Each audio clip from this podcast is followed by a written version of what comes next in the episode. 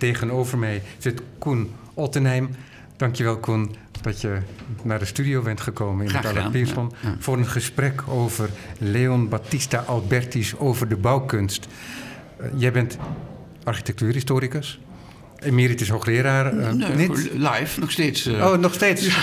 Oké, nee, je ziet er ook heel levend uit. Ja. en, eh, Oké, dat, dat heb ik... Oh nee, dat was het natuurlijk. Ehm, Gerard Barteling. Die is- hij is ook emeritus, Daardoor, die is natuurlijk al een poosje met emeritaat. En die heeft het boek vertaald. Een pagina per dag, vertelde je me zojuist. Het is een kloek boek. Een klassiek boek over de bouwkunst uit de 15e eeuw. Van Leon Battista Alberti, die ook heeft geopereerd als architect. Maar hij heeft veel boeken geschreven. Niet alleen over bouwkunst, ook over schilderkunst. Dat is volgens mij bij Sun uitgegeven. Ja, En over sculptuur, maar ook over hele andere zaken. Over menselijkere zaken.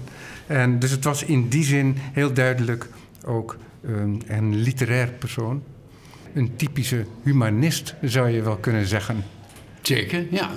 Ja, uit, uit, dat, eh, die wereld van de, de humanisten, dus echt de, de tekstgeleerden uit de 15e eeuw, dat is eigenlijk zijn, de kring waaruit eh, waarin hij circuleerde en waar hij ook echt in zijn, zijn beroep in, in had. Want hij werkte zeg maar, op het secretariaat van de paus in Rome. En zeg maar, bij alle in- en uitgaande post en correspondentie. Ja, en dat is natuurlijk niet alleen maar postzegels plakken, maar dat is juist als diplomaat de, de echte correspondentie van, van de curie verzorgen. Dus de, het omgaan met teksten, en met, eh, dat is eigenlijk zijn, eh, zijn hoofdbasis. En die hele kunsten erbij, dat is, je kunt zeggen, zo'n gentleman's hobby voor, voor hem geweest. Dat, hij was geen broodschrijver, dus dat, daar had hij niet voor nodig. Hij, had gewoon een, was van een eh, goede familie, weliswaar een bastaard, maar dan nog. Maar had dan daar natuurlijk een, zijn positie aan dat pauselijk hof. Was ook met dat pauselijk hof een hele tijd in Florence. Dus kende ook zeg maar in het tweede kwart van de 15e eeuw de nieuwste ontwikkelingen van wat we dan nu renaissance kunst zijn gaan noemen in Florence. Met kunstenaars als Alberti en Mas- Masaccio, Donatello. Dat waren eigenlijk allemaal zeg maar, zijn, eh, ja, de mensen met wie hij ook in Florence om kon gaan. Dus hij maakte die En ook daadwerkelijk omging. en ook daadwerkelijk En omging. samenwerkte. Ja, zeker. Ja. Ja. Nou, en die, die wereld van de humanisten, als ik eh, daar nog even iets over kan zeggen, dat is natuurlijk een hele bijzondere ehm, kring van, van mensen geweest. Want zij, en dat is, eh, wij, kijken natuurlijk vaak, zeker als, als kunsthistoricus, vanuit de materiële erfenis naar die 15e-eeuwse kunst en architectuur en schilderijen. Maar het is heel goed belangrijk te begrijpen dat echt die hele belangstelling voor die antieke, dus echt als een literaire beweging begonnen is. En ook al veel eerder. Sommige mensen zeggen dat Petrarca al in de 14e eeuw zou je als een soort startpunt daarvan kunnen noemen. Van mensen die zich eigenlijk nu eh, opnieuw die antieke teksten wilden lezen, maar dan ook de echte antieke teksten en niet de overlevering van overlevering van overlevering. En zo in de, de hele middeleeuwse ehm, ja, roes of, en mist die er in die teksten ontstaan is. En dat is echt dat werk wat die humanisten terug naar ehm, eh, naar de, de bron, naar de, de echte tekst. En daardoor ging men ook echt op zoek naar oude collecties, boekencollecties van kloosters en dingen om eigenlijk naar de oudst mogelijke edities te gaan. En heel als filologen goede tekstedities van die belangrijke werken uit de oudheid samen te stellen. Om op die manier eigenlijk zo dicht mogelijk bij de bron te komen. En dan kun je vragen, wat wil men dan met die bron? Wat, wat, moest daar dan, wat was daar dan te halen in die bron? Eh, dat was natuurlijk eigenlijk de verloren kennis van de mensheid. Daar kun je het eigenlijk zonder al te veel pathetiek eigenlijk wel zeggen. Want zeker ook met Petrarca, al en zijn, eh, maar ook nog in de 15e eeuw, kunt zeggen, onder die intellectuelen in, in Italië, was er heerste toch een soort van cultuurpessimisme. Van dat eigenlijk de grootheid van Italië, dat was een beetje ten onder, ondergegaan. En in Italië was dat natuurlijk ook direct eh, navoelbaar en te zien ook. Zeker, zeker. Ja, te zien, te voelen. En natuurlijk, Italië was versnipperd en allerhande staten en dingetjes. eh, en, en men had het idee, ja, de, de grootheid van het Romeinse Rijk en de antieke oudheid is allemaal eh, ja, in de late antieke tijd verloren gegaan. En eigenlijk leefde men in het idee dat men dus eigenlijk kennis en kunde kwijt was geraakt. En dat is ook in de tijd van ja, Petrarca en zijn formuleren ook voor het eerst het idee dat de middeleeuwen zwart gat zijn. De middeleeuwen, namelijk tussen de hoogtepunt van de menselijke beschaving in de Romeinse oudheid en dan de eigen tijd die probeert dat weer te evenaren. En daartussen zeg maar, dat beeld van dat, dat negatieve beeld van die periode daartussen, waar wij ons natuurlijk heel anders tegen aankijken. Maar dat is wel de wereld waaruit Alberti voortkwam. Dus men zocht eigenlijk in die antieke oudheid mogelijkheden om de eigen tijd te vernieuwen en te verbeteren. Dus je kunt zeggen, je, men stond met de rug naar de toekomst, men keek terug naar het verleden, maar met de bedoeling de toekomst te verbeteren. Dus het is, uh, het is niet een, uh, een, idee van ja, vroeger was alles beter en we moeten terug naar de Romeinen. Maar wat kunnen wij eigenlijk leren uit die antieke tijd dat we eigenlijk verloren zijn, wat we niet meer kunnen. En dan in de architectuur, heel, heel belangrijk voorbeeld, zeg maar het meest aansprekende is natuurlijk de, het over de enorme koepel van het Pantheon. Die 42, was het 43 uh, meter overspanning in één gewelf zonder steun. Dat is nou ongelooflijk knap van die Romeinen. Dat heeft sedertdien niemand meer gekund. Tot in de eigen tijd, inderdaad, dan komt het punt. De koepel van de Dom in Florence, van Brunelleschi. Bijna, die is 42 meter, bijna net zoiets. Opnieuw zo'n soort overspanning gecreëerd wordt. Hoewel daar wel iets aan aangepast moest worden, omdat het ideaal niet uh, nou, weerspiegeld kon worden. Nou ja, het, het, het, ideaal was, was in dit geval gewoon het creëren van zo'n overspanning. En ja. als je nu die dom van Florence ziet, is dat, zou je zeggen, qua constructie een gotische constructie met die ribben en die hoge plan. Maar daar ging het helemaal niet om. Ja. En dat is het mooie. Dus waarom wordt er altijd gezegd met, met die koepel van Florence, hè, die dus voltooid werd in de tijd dat ook uh, Alberti daar was, is dat een soort startpunt mijlpaal voor het begin van renaissance architectuur. Dat is eigenlijk omdat men het weer kon. Het gaat helemaal niet om de vorm, maar de prestatie, de, de, de technische prestatie. Dat is waar, waar, waar het waar Het moet toch echt een uh, hele spannende tijd ja, zijn geweest ook voor die lieden die ja. zich daarmee bezighielden. Ja, dus wij moeten ook die, die tijd ook veel minder als, vanuit de vormen, maar meer vanuit dat soort prestaties be beoordelen. Iets waar, we, waar je misschien nu als toerist helemaal niet zo op let. Denk, ja, dat is toch helemaal, het ziet er toch heel anders uit dan het Pantheon in Rome. Ja, maar de, het, uh, het idee, men kon het weer. Men kon weer zo 42 meter overspannen. Mooi. Ja. ja. En dan schrijft deze Leon Battista Alberti ook een boek over de bouwkunst. Ja. En dat weerspiegelt een beetje ook weer een boek uit de klassieke oudheid de tien boeken over architectuur van Vitruvius. Ja, nou ja, en dan komen we terug tot het punt dat voor die humanisten, dus de, een startpunt van de kennis van de antieke oudheid waren teksten. dat is, dat is die, die, men, men kende vooral, men bestudeerde vooral antieke teksten, die filologie, dat is toch het startpunt van al deze intellectuele kunstenaars. En, en, waar, en waarbij voor de architectuur de basis tekst, de belangrijkste tekst, is het enige boek dat uit, in zijn volledige vorm uit de antieke oudheid is overgeleverd. En dat is het boek van Vitruvius, inderdaad, de tien boeken over architectuur. Ook de tien boeken over architectuur uit de tijd ongeveer van keizer Augustus. Waarin ja, van alles verteld wordt over uh, tempels, over basilica's, maar ook over ingenieurswerken. Want dat, uh, de techniek en uh, oorlogsapparaten hoorden ook bij het werk van de ingenieur-architect.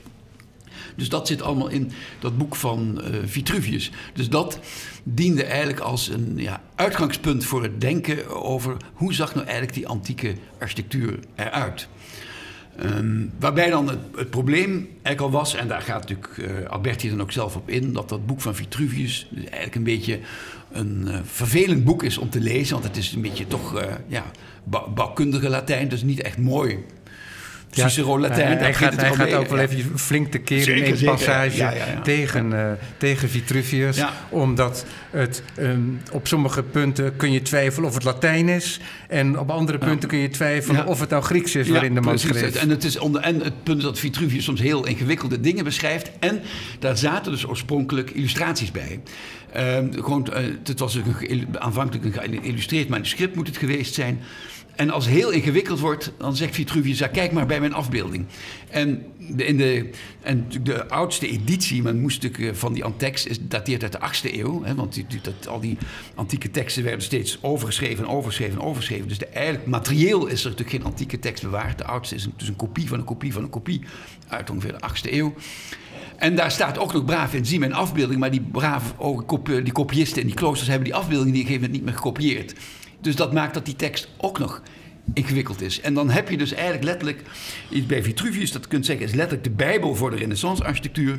Maar zoals, zoals dat hoort bij een echte Bijbel, is er exegese nodig om eigenlijk te begrijpen wat daar nu bedoeld wordt.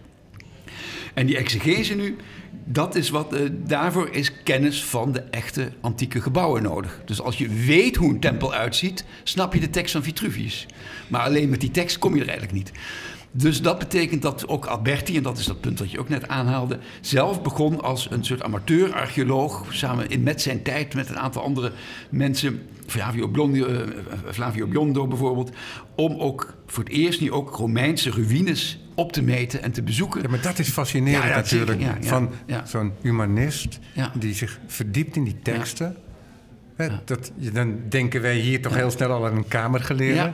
Die dan toch ook ehm, ja, het zand onder zijn nagels krijgt. Echt bij, in letterlijke zin ook. Hè? Want het gaat heel ver. Het gaat niet alleen over wat in het zicht is, wat onderzocht wordt op materiaalsamenstelling, materiaalkeuze, op, op, op involging van materiaal in de opbouw van muren en dergelijke. Maar het gaat ook over de fundamenten. Zeker. Dus hij gaat ook de grond in. Ja, nou ja, nu waren van een heleboel ruïnes, bestonden alleen maar de fundamenten.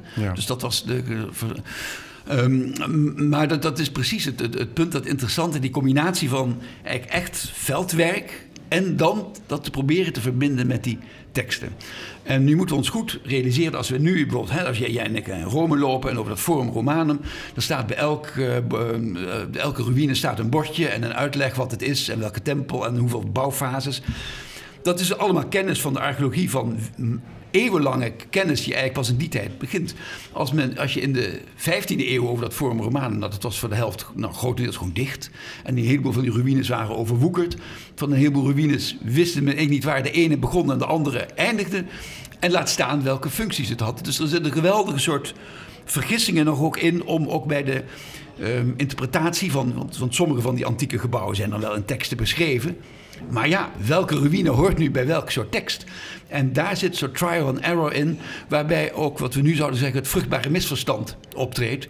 Een bekend voorbeeld bijvoorbeeld is dat als Alberti op zoek is naar van, ja, hoe ziet nu eigenlijk een Romeins huis eruit? Nou, dat wordt op zich mooi bij Alberti beschreven, dat er een atrium is, dus een eerste voorhal. En dan een peristyl, dus een tweede grotere binnenplaats met een aantal vertrekken. Nou ja, denk, het moet dus iets met twee binnenplaatsen zijn. En dan gaat hij vervolgens een thermencomplex onderzoeken en denkt dat dat een paleis is. En een thermencomplex is dus een, een, soort openbaar gebouw waar honderden mensen konden komen. Dus de schaal opeens van wat Vitruvius als een klein eenvoudig privéhuis voor twaalf mensen beschouwde, wordt opeens ge, gelezen. Want als je die tekst leest en dan denkt het is een paleis voor 100 mensen, past die tekst ook. Ja, alsof de beurs van Berlage opeens een privépaleis is. Ja, zoiets. Nou ja, bij even spreken. Hè. Of het Paleis de Dam uh, een, individueel, een individueel gebouw. Uh, en dan ontstaat daar dus ook een, een beeld voor. Nog verder deelt die enorme verering voor die Romeinen. Kijk nou toch ook eens wat die enorme paleizen die hadden. En wat voor luxe en een grootste schaal die nou woonden. En natuurlijk ook wat voor een perfecte symmetrie in die architectuur zit. Want in die grote badhuiscomplexen, ja, in die openbare gebouwen, daar werd natuurlijk echt wel symmetrisch met een, met een strenge middenas ontworpen. En daar ontstaat het idee, en dat staat helemaal niet in Vitruvius dat dat zo is, dat dus die Romeinse architectuur natuurlijk altijd met een hele strikte middenas en symmetrieas werkte. Ook voor dit soort particuliere gebouwen. En we weten nu, want we kennen nu Ostia, we kennen Pompeii en. En dat moet je ook denk ik dat even vergeten. Ostia lag nog onder het zand en Pompeii nog onder de as.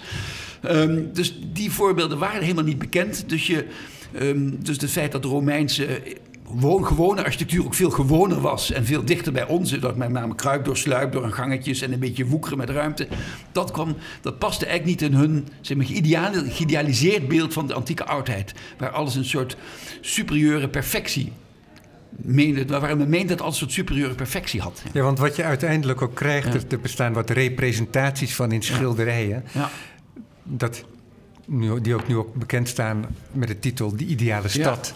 Dan zie je inderdaad ook, ja, laten we zeggen, een soort. Een soort oh, die staat ook in het boek inderdaad. Ja, En dat is een soort Eden voor de architect. Geen rotzooi, geen utilitaire uh, belemmeringen op straat, maar pure architectuur, ja. ruimte en vorm. Precies. Nou ja, en eigenlijk ook een tegenhanger van wat de stad in die tijd zelf was. Want ook in Florence waren wel een aantal mooie renaissancegebouwen. Maar die stad was natuurlijk gewoon een ratje toe. Met kruipdoorsluipen, gangetjes en steegjes en dan weer een mooi plein. Dus dat ide- idee van dat de antieke stad eigenlijk een soort, eh, ja, dat, eh, een soort ideaalbeeld was van orde en regelmaat, die in de loop van de tijd weer, zeg maar, in die duistere middeleeuwen voor, een beetje verloederd is. Dat hele idee is dat de menselijke, de menselijke cultuur achteruit gegaan is. En dus ook de, in de stedenbouw van zo'n mooie, heldere Romeinse structuur is middeleeuwse chaos ontstaan. En door kennis van die antieke kunnen we die schoonheid, die orde, die, eh, ja, dat, die eff- efficiency ook van die antieke cultuur weer opnieuw ehm, tot leven brengen. Dat is eigenlijk, daar zit echt een agenda achter. En nu is dat boek van eh, Alberti. Interessant is dus niet een gewoon leerboek voor, van een how to do it voor timmerlieden en architecten. Maar het is eigenlijk zo'n een rondleiding door zo'n soort stad. Een ge- een geïdealiseerde stad. Het, is, het boek van Alberti is echt een, eh, kunt zeggen, een conversation piece for gentlemen. Ja. Eh, het, is- het, eh, het is ehm, voor kenners van, de, van, die, van die antieke teksten. Die, want, Vitruvius, ehm, want Vitruvius is niet de enige bron van Alberti. Het is een basistekst, maar hij heeft dat vermeerderd. Niet alleen met zijn kennis van de archeologie, maar ook met een heleboel. Ja, zijn enorme kennis van antieke teksten, met name Plinius, zowel de oudere als de jongere, en, en, en Tacitus en andere, en Strabo, enfin, allemaal reisjournalen en andere beschrijvingen. En, en voor de structuur en het denken over kunst, Cicero, maar misschien daar daar nog op terugkomen. Namelijk, ehm, en dat bij elkaar vormt in zijn hoofd een soort totaal geïdealiseerd beeld van die antieke wereld. Zoals je die op dit soort schilderijen uit de 15e eeuw dan soms eh, ziet. En ehm, nou, we hebben ook een van die schilderijen in, in, het, in het boek Ja, opgenomen. bij ja. je nawoord Bij mijn, bij mijn nawoord. Ja. En waarom heb ik deze genomen? Want hierachter loopt eigenlijk een groepje mensen met een soort reisgids. En, eh, en je kunt je eigenlijk voorstellen dat het verhaal, eh, het verhaal van... Eigenlijk is Alberti dat mannetje hier in die rode toga die hier rondloopt... en hier zijn lezerspubliek door deze ima- imaginaire stad rondleidt. Mooi. Dat, dat is eigenlijk de reden dat ik dat daar Ja, in gezet heb. mooie gedachte. Want hij ze- beschrijft ook, dat is ook wel grappig, zo tussen neus en lippen door, alsof hij in een antieke stad loopt. En eigenlijk doet hij dat dan ook heel antiek in toga. Want ergens gaan ze dan een tuin binnen en dan zegt hij opeens: Ja, we gaan nu een tuin binnen en in een tuin loop je niet in toga. Dus die leg ik nu af. Dat betekent dus dat die andere 400 bladzijden, eerste 400 bladzijden, hij dus zijn als een soort cicerone, een, een reisgids door die stad loopt in toga. Hè? Als een soort. eh, ja. En nou, dat, dat beeld, ik, dacht ik, ja, ja, dat is eigenlijk is natuurlijk, is natuurlijk niet zo bedoeld, maar dit is wel een beetje het beeld wat ik zelf had uit le- het lezen van Alberti, is eigenlijk dit, eh, dit ja, plaatje. Ja, ja, mooi. Dat mooie schilderij dat nu in eh, Baltimore het museum is, met een van die drie, en ook onder andere aan Piero de Francesca en andere toegeschreven, langgerekte ideaalbeelden van een antieke stad. Ja. Ja, dat boek, Ja. wat wij een boek noemen, Ja. dat is opgedeeld in tien boeken. Ja. Dat zouden we dan weer hoofdstukken kunnen Ja. noemen, die weer in subhoofdstukken Ja. zijn onderverdeeld. Die hoofdstukken die hebben een hele duidelijke structuur. Ja, dus alles is mooi geordend. Tegenover die chaos waar je het Ja, over ja. had. Ehm, ze spreekt dat ook uit het boek. Maar wat nou zo aardig is, is dat hij ook de vrijheid heeft om af en toe neemt, om af en toe uit te wijden. Ja. Er zitten hele gekke passages in over bijgeloof. En dan haalt hij de gewoontes erbij om, eh, Ja. om zieners te raadplegen en dergelijke. Daar maakt hij ook een beetje gekkigheid mee. Ja. Dus dat is ook wel interessant dat hij in die zin al een hele grote vrijheid heeft ten opzichte van die Zeker, oudheid. ja. Nou ja, die hij zo bewondert ook. Ja, en dat is natuurlijk een beetje wat ook. eh, ja, wat, wat, wat, wat later in de 16e eeuw ook een sprezzatura genoemd wordt. Als je natuurlijk ja, als, een, als een echt volwaarde. Hè, in- in Ca- Castiglione in de Hoveling komt die term naar voren, sprezzatura. Je moet de regels van de etiket en de omgangsvormen helemaal beheersen, maar je moet er wel mee kunnen spelen. Want anders ben je maar eens een, een lakij. Dus een lakij moet zich aan de regels houden, maar een echte gentleman, hoveling, die kan daarmee spelen. En dus net over de grens zonder dat het brutaal wordt. Ja, en, en een, dat eh, is ook dus je- gemak. Ja, op je, je moet je helemaal op je gemak voelen binnen het, binnen het corset, zonder daardoor gehinderd te worden. En met al die eh, bijverhalen laat hij ook natuurlijk zijn eruditie zien. En dat maakt ook, zoals gezegd, dat dit ook een boek is dat juist andere humanisten, geleerden, eigenlijk met plezier, een beetje moet plezieren om dat te lezen. En dus niet een timmerman die wil weten hoe je nou een, eh, ant- ja, een antiquiserend pal- stadspaleis Ja, moet bouwen. Ja. Alberti die schreef, Ja. maar heeft ook geopereerd als architect. Ja. Hij heeft als, architect in elk geval als ehm, ontwerper. Hij sch- schrijft zelf in zijn boek dat je eh, als architect... je moet ook het hele bouwproces kennen... om er leiding aan te kunnen geven. Maar ook dat hoeft niet eens. Het gaat, want hij is een van de mensen in die tijd die heel nadrukkelijk een scheiding creëert, kun je zeggen, in zijn tekst tussen het ontwerp en de uitvoering. Maar waar het om, om, uh, om, om gaat, is dat het vanuit uh, zijn idee, dus architectuur, is en kunst, maar ook wetenschap. En daarom ook iets dat zeg maar, mensen van de hogere stand, zoals hij zelf, ook kunnen bedrijven. Het is los van het ambacht. Daar gaat het eh, om. Dus je hebt. En de architectos, dus de, wat in de antieke term, in Griekse term, de opperste werkman. Dus eigenlijk iemand die boven de ambachten staat, de opperwerkman. Die, is eigenlijk de, dus de, die vanuit de cockpit het hele bouwbedrijf moet kunnen overzien. zonder zelf vuile handen te krijgen. Dat is echt het idee. Dus je, het is wel de man aan papier, dus de ontwerper. En die vervolgens zeg maar, ook supervisor en logistiek manager van de bouwterrein zou moeten kunnen zijn. Maar zelfs dat hoeft er niet bij. En bij de bouwprojecten die hij, waar hij zelf bij betrokken is geweest, is hij waarschijnlijk in geen van die gevallen ook daadwerkelijk bij die uitvoering betrokken geweest. en, daar had hij ook geen tijd voor. en als aanvulling, kijk, hier speelt ook op de achtergrond mee, maar zeer belangrijk voor hem, dat de positie van de architect los van het ambacht komt te staan. En dat het intellectuele arbeid wordt. En dus ook erkend zou moeten worden als een toevoeging aan de zeven klassieke kunsten. En wat is de, de sleutel om tot de zeven vrije kunsten te horen? Dat is natuurlijk dat feit dat de, de mathematische grondslag. Dus als hè, de, de, de, dus de, als op de. Uh, hij zegt ook zelf, eigenlijk een architect moet eigenlijk twee dingen goed. Eh, moet, een architect moet twee uh, zaken in zich verenigen. En meer is eigenlijk niet nodig. Namelijk, hij moet schilder zijn en hij moet ook mathematicus zijn. En dus die combinatie van zeg maar, puur echt uh, die, het, die mathematiek, die, het werken met proporties, met maatverhoudingen. Maar tegelijkertijd ook schilder die het, het, schilder, het schilderachtige, de, het kleur, de schaduwwerking. Dus eigenlijk het, het, alles wat ja, na een zuiver mathematisch stramien vervolgens nodig is om toch ook het oog te behagen. Die beide dingen moet een, uh, een architect kunnen combineren. En dat maakt natuurlijk ook, ja, dat maakt die tekst zo nieuw voor die tijd, waarin dat voor het eerst zo, die, eigenlijk die twee aspecten genoemd worden maar tegelijkertijd ook zo tijdloos. Dat, is ook, uh, ja, het, is een, het is een kwestie van ordenen. Hè? Ja. Omdat het bestond al, alleen hij brengt het op een andere manier en hij zet heel duidelijk bepaalde accenten. Ja. Waardoor het toch het een en ander verandert. En, de, en, die, en die accenten zijn, zoals ik zei, zitten juist ook in die, eh, in, in die mathematische structuur, die natuurlijk ook van alle tijden is. Want ja, het, het, uitzetten van plattegronden, maken van ontwerpen van, van oudsher. Ook in de middeleeuwse architectuur wordt er natuurlijk met geometrische vormen en maatverhoudingen gewerkt. Dus dat is helemaal niet per se het nieuwe. Maar het nieuwe is dat het nu ook verwoord wordt in, als een van de ehm, cruciale startpunten voor, voor goede architectuur. En dat het niet alleen een soort ezelsbruggetje is om mooi, om handig te bouwen, maar dat het eh, de, eigenlijk de raison d'être van goede architectuur zit in die maatverhoudingen. Dat is, dat is echt de kern van schoonheid volgens Alberti. Ja, ja want wat ik heel aardig vind van Alberti is... Een, hij beschrijft een soort orthodoxie, zou je kunnen zeggen. een soort regels. En zo hebben de ouderen dat gedaan. Maar wat ik zo bijzonder vind, is dat hij de vrijheid vond om na te denken over wat zijn eigen tijd nodig had. Dus hij ging niet als architect klakkeloos klassieke gebouwen reproduceren. Maar hij ging nadenken over wat die klassieke vormen, wat voor vorm die zou, zouden kunnen krijgen met de behoeftes van zijn eigen tijd. Zeker, ja, helemaal, helemaal juist.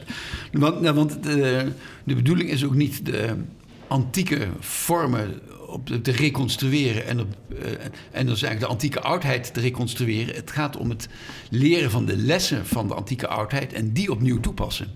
Dus, het, het gaat dus niet om het, om het zeg maar, in, de taalmetafoor om het alleen maar kopiëren van een antieke tekst. Het gaat erom om de grammatica opnieuw te begrijpen en de woordschat en de grammatica en daarmee nieuwe teksten te schrijven. En dat is wat hij zelf ook als, um, als literator ook deed, want hij heeft zelf ook in een soort Cicero-Latijn een nieuw, eh, een, een antieke een, een, comedie geschreven. Die eigenlijk zo antiekachtig, zo volgens de regels van de, van de antieke literatuur, dat zijn, eh, een aantal van zijn tijdgenoten ook dachten dat hij een nieuwe, oude tekst teruggevonden had.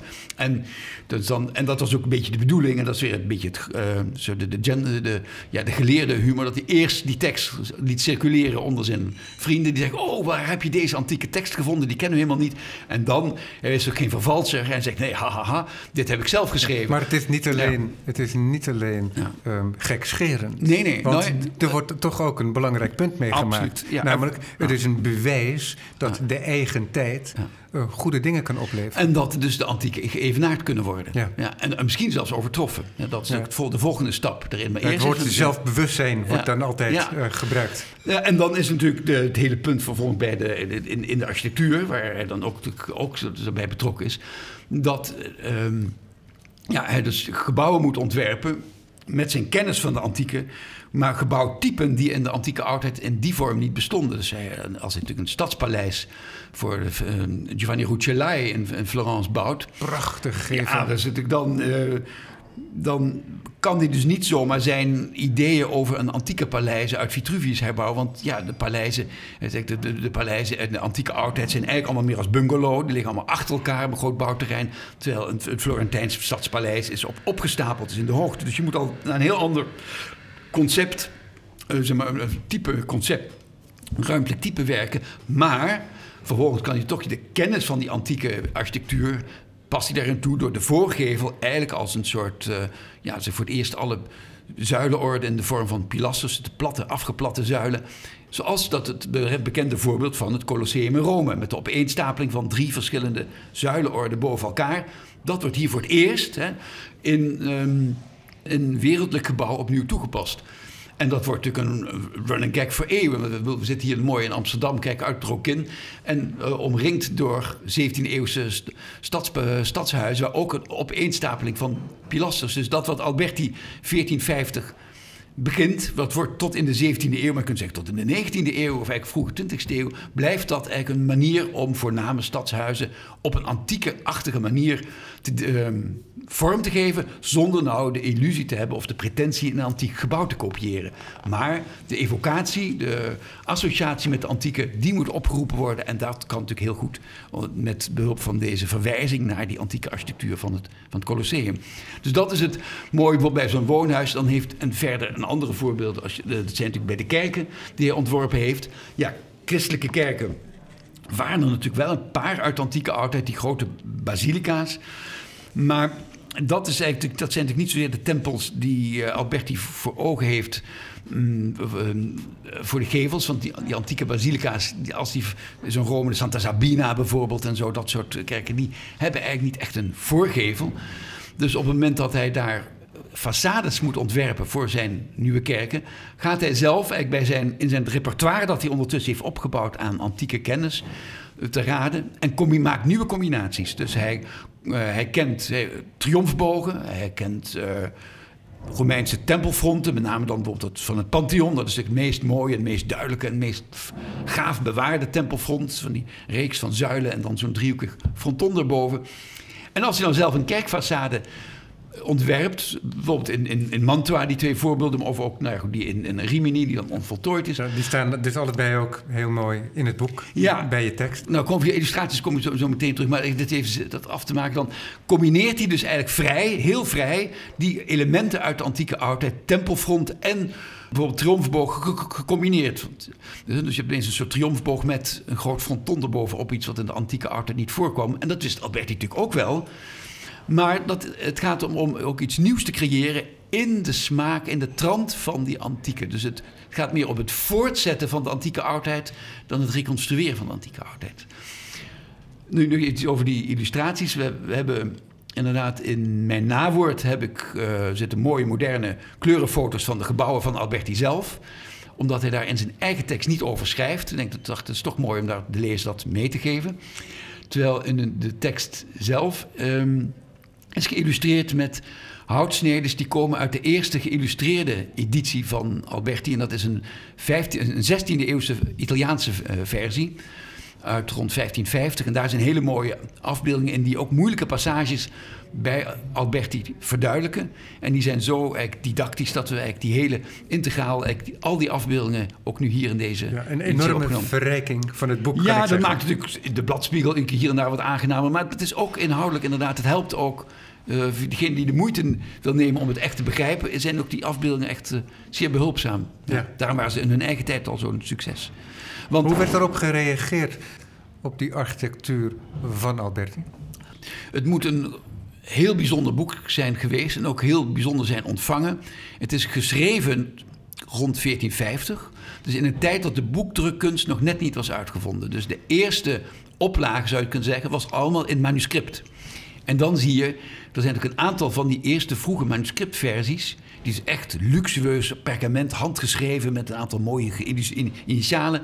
Die waren echt in de, de grote vorstelijke collecties. Onder andere de, de grootste bibliofiel van de, van de 15e eeuw, de Hongaarse koning Matthias Corvinus. Daar zat Alberti in de grote bibliotheek. En ook de Federico de Montefeltro in Urbino had ook. Dus echt de grote erudieten boekcollecties, die hadden ook al Alberti. dat was ook heel kostbaar natuurlijk. Dus dat is dus heel kostbaar. En dan is het ook opmerkelijk, als zodra de boekdrukkunst een beetje op gang komt, is Alberti een van de eerste boeken die gedrukt wordt. Al in dus 1482 geloof ik, of 76. Nou, het jaartal uh, geef ik even prijs. Maar rond, rond die tijd, dus, de, dus in, in de eerste generatie van, van boeken die gedrukt konden worden, zit Alberti al. Wie gedrukken? Ja, ja en, en dat maakt, geeft dus aan dus dat het uh, natuurlijk ook, eh, ook een. Uh, ja, dat toen al direct een brede verspreiding begon. Hè? Dus in plaats van die, van die paar handgeschreven dingen kwam er dus echt al een oplage. Die eerste gedrukte dingen waren toch echt ook wel een aantal tientallen in elk geval. Dus 100, 200 schat men nu dat die ja. vroege drukken ongeveer gehad hebben. We hebben het natuurlijk over het boek, maar de vraag die ik stelde was: hoe werd erop gereageerd op die architectuur? Op de architectuur van Alberti. Ja. En de, nou, ook uh, heel concreet weet, weet. Omdat dat ook best gekke architectuur is. Nou ja, in zijn tijd dat gekke, dat is eigenlijk, vinden wij later vinden we dat gekke architectuur.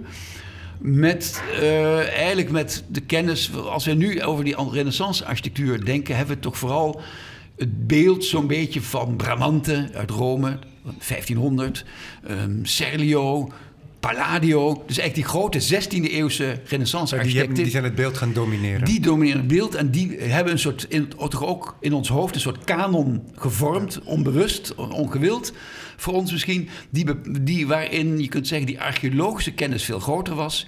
En de architectuurproductie dus veel zeg maar, archeologisch nauwer was. Die villa's van Palladio lijken echt veel meer op Romeinse villa's.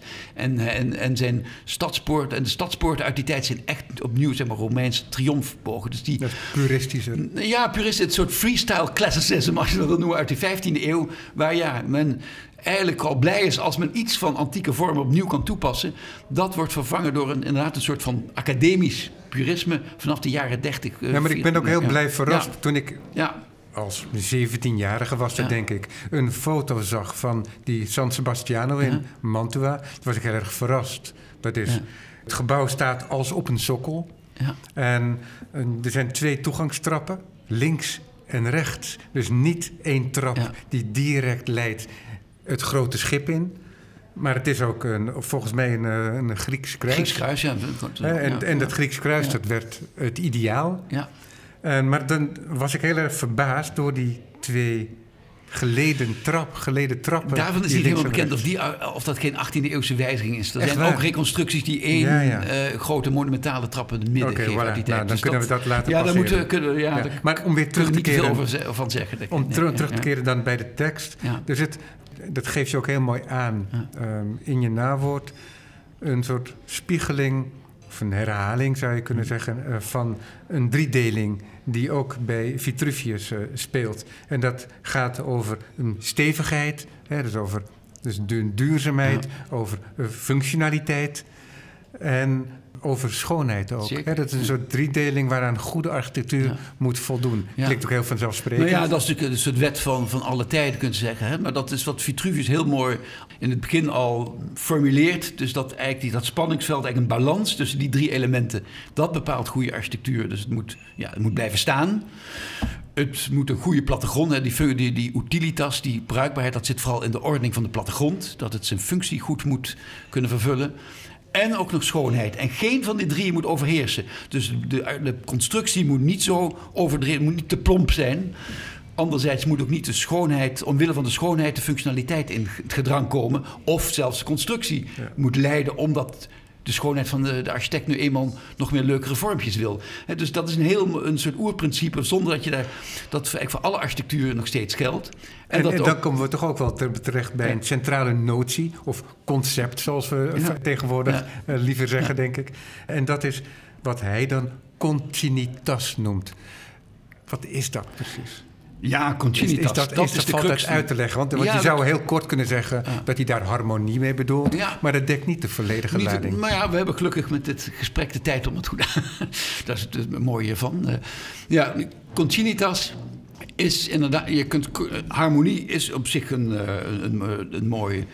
De harmonie van het, bij het samenstellen van de verschillende onderdelen. En het is een term die komt uit de retorica een, een term, dus eigenlijk uit de redenaarskunst, dus ook weer die associatie met de literatuur.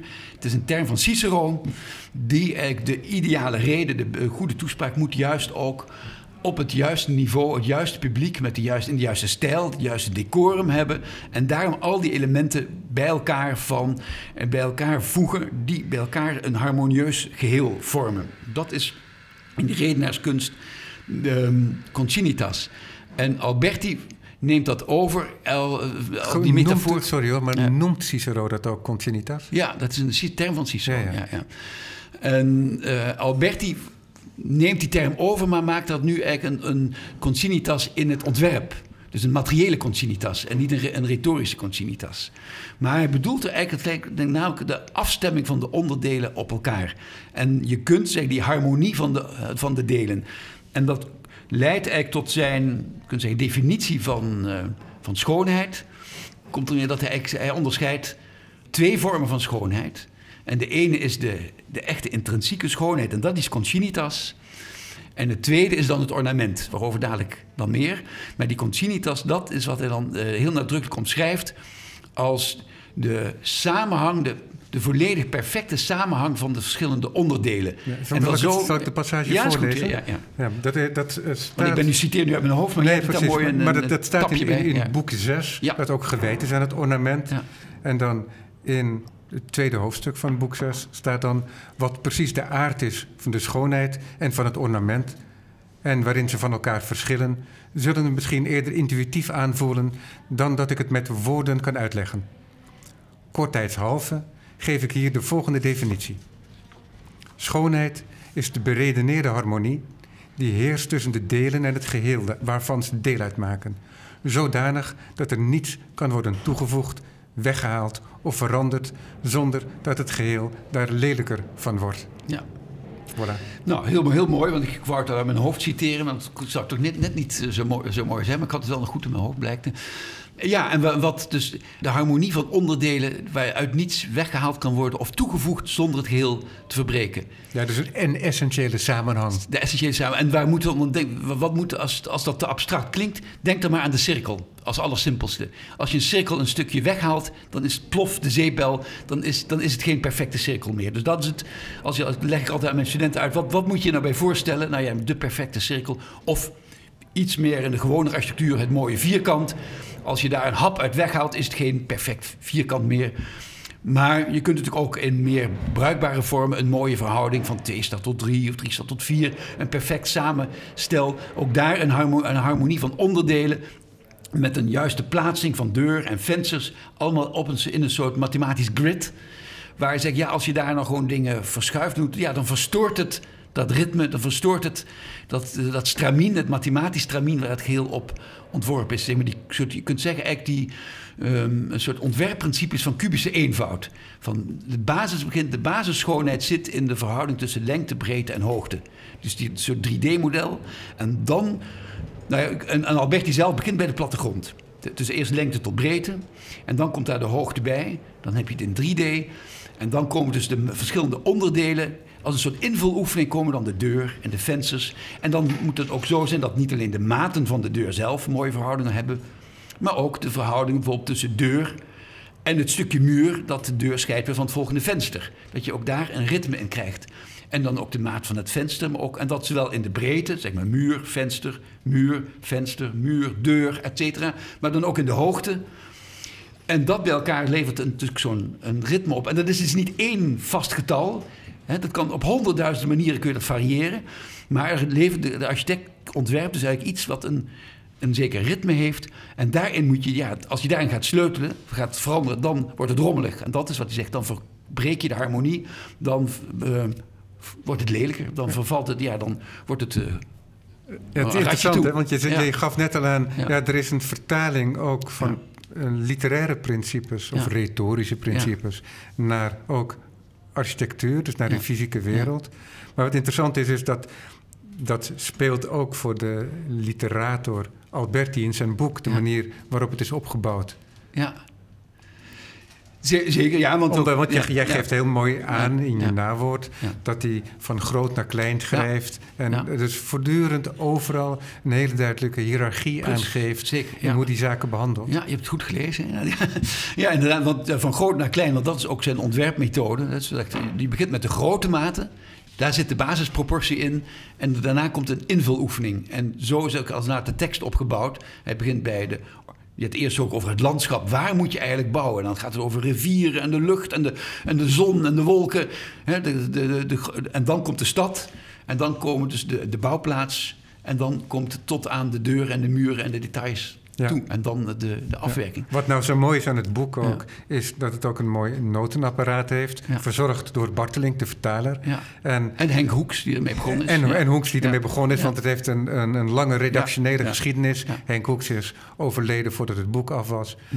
En dus, dus, dus, het is niet het product van één persoon. Dat is een kunstwerk nooit. En dat is zo in het geval van het boek ook niet.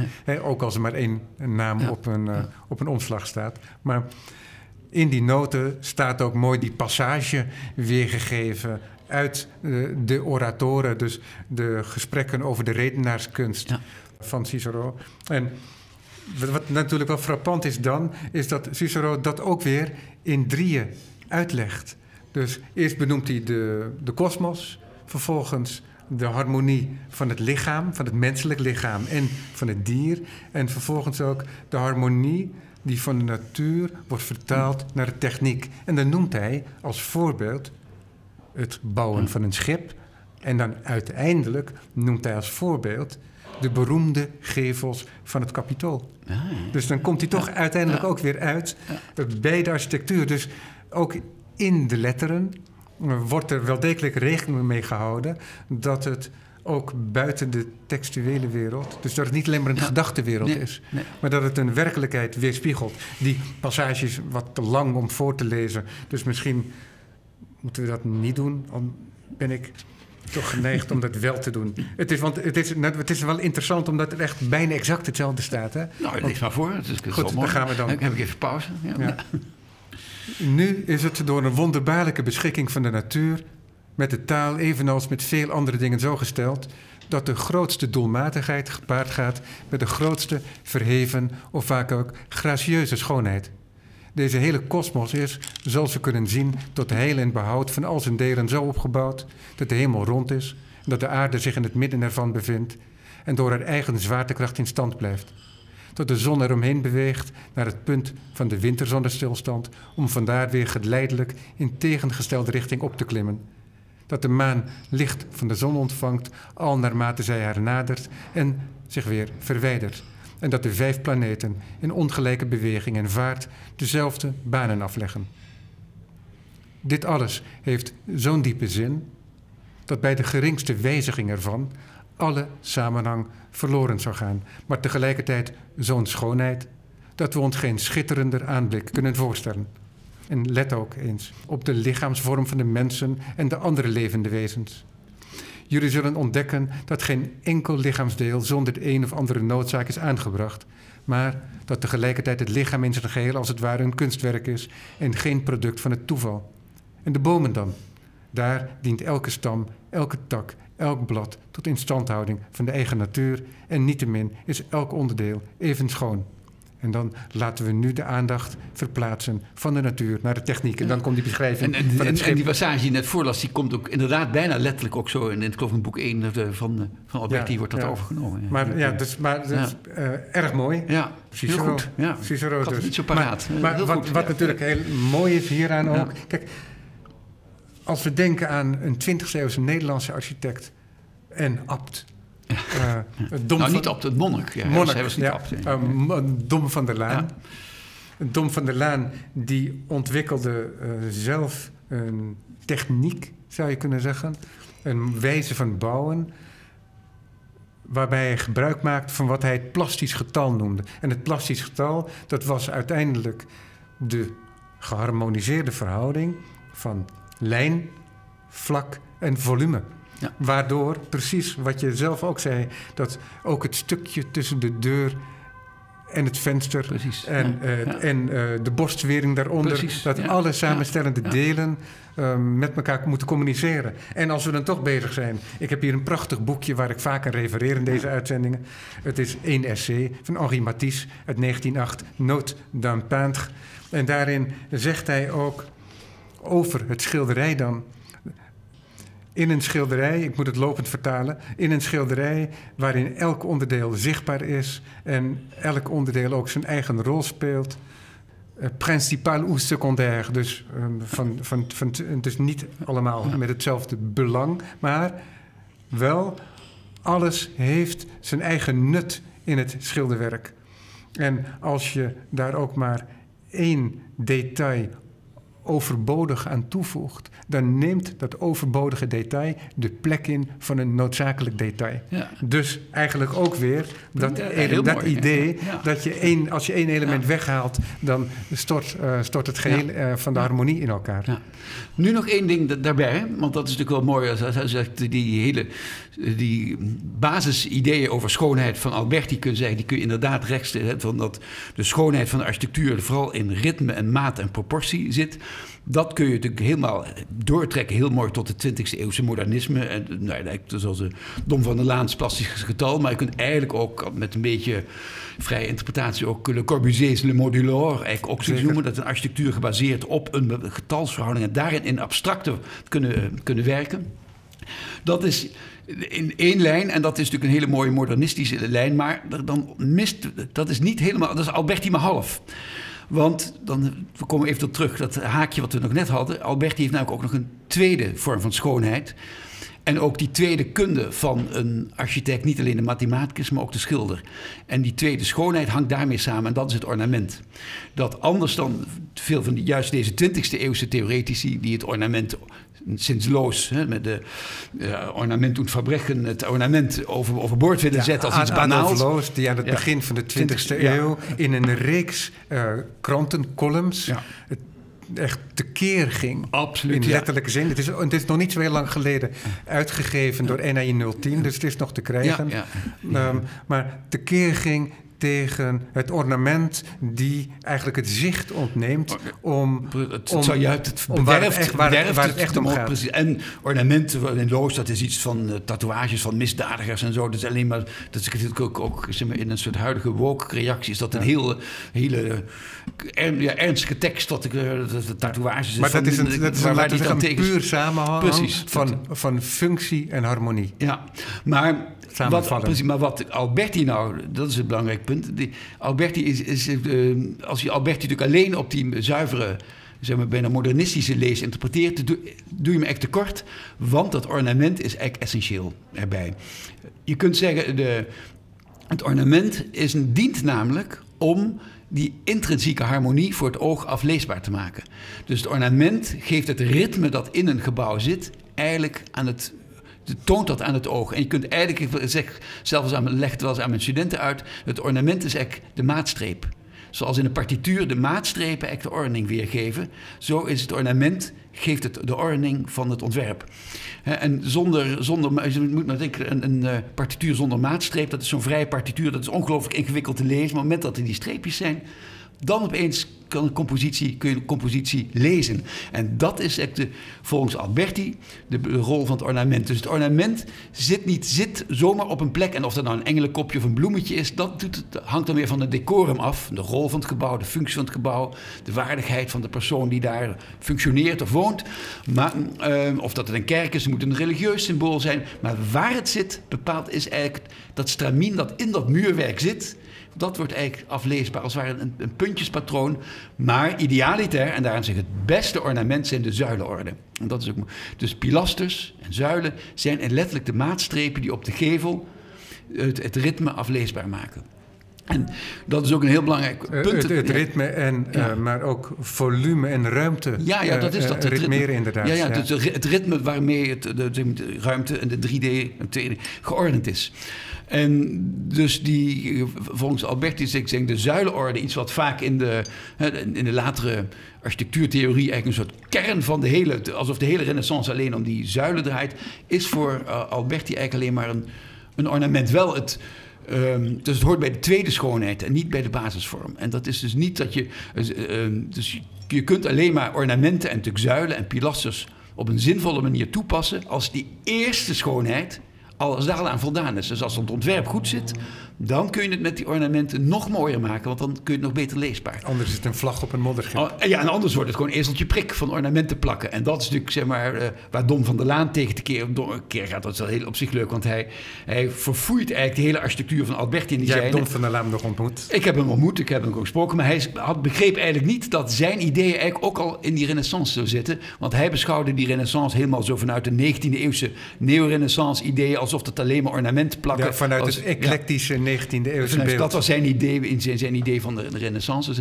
hij, had eigenlijk, hij was eigenlijk op, hij vervoerde de renaissance en was op, was op zoek naar iets dat wij nu beschouwen als de wortel van de renaissance architectuur. Dat is weer het, het grappige van uh, ja, dat de ironie van de tijd. Ja, ja. ja. maar dan, het is wel mooi dat hij het op zijn eigen manier toch op het spoor is gekomen. Absoluut. En natuurlijk voor zo'n zo'n klooster, met zo'n heel sober klooster, is natuurlijk ook die ornamentloze vorm is natuurlijk eigenlijk fantastisch. Het is ongelooflijk mooie ja. architectuur. Dus ik, maar, zeg maar niet, daarover, maar ja. om, het is natuurlijk, om Alberti te begrijpen moet je natuurlijk ook verder denken. Dus het zijn nu twee dingen. Eén is of dat eh, Van der Laan geen, wel of geen mooie architectuur is. Nou, ik vind het fantastisch. Maar het is niet, het is maar Alberti op, voor de helft. Alberti zou zeggen, het is niet af. Ja, precies. Ja, Ja, ja. Ja. Maar de, iedere tijd heeft ook zijn eigen geneugten absoluut, zeker, zeker. natuurlijk. Maar toch terugkomend op dat onderscheid. Hè, want er is, het, is, het is een onderscheid, maar het is ook een samenspel tussen schoonheid en ornament. Maar het zijn twee termen. En ja, wij, wij mensen zijn gewend om dingen rationeel te scheiden. Om ze misschien volgens weer samen te voegen. Maar ook om te begrijpen wat het is. En, en het ornament, dat he- heeft ook een schoonheid. Zeker, ja. Dus het is ook deel van de schoonheid. Dus het is niet ornament en schoonheid. Nee, absoluut. Het is deel van de, van de schoonheid. En zoals gezegd, het helpt ook om die andere wat abstracte schoonheid beter te ervaren. En dat is eigenlijk ook wel... eh, nog Ja, want die leesbaarheid, Ja. dat is een heel mooi natuurlijk. Want als je bedenkt dat een van de belangrijke bronnen voor Alberti Cicero is. Ja. Kijk, Cicero die heeft het natuurlijk niet maar alleen maar over poëzie of over een textuele beleving. Cicero die heeft het in de vertaling ehm, in een uitgave van Atheneum, Pollack en Van Gennep uit 1989 is het getiteld Drie gesprekken over redenaarskunst. Dus dat is het voordragen voor een Ja. publiek. Dus het publiek moet Ja. je kunnen volgen. Ja. En daarmee is die, het ornament is van, kennelijk ook van heel groot Het belang. het geeft toegang, daarmee betrek je de mensen erbij. En, maar ook, toch ook die andere vorm van schoonheid. Dus het ornament kun je zeggen, dat, is natuurlijk de, dat, dat maakt het begrijpelijker, is voor het oog. Mm, Maar het mooie is natuurlijk ook in, in die tekst van Alberti... dat hij ook nadrukkelijk zegt dat deze hele theorie over die maten en proporties... Ja, eh, is eigenlijk iets intrinsieks menselijks.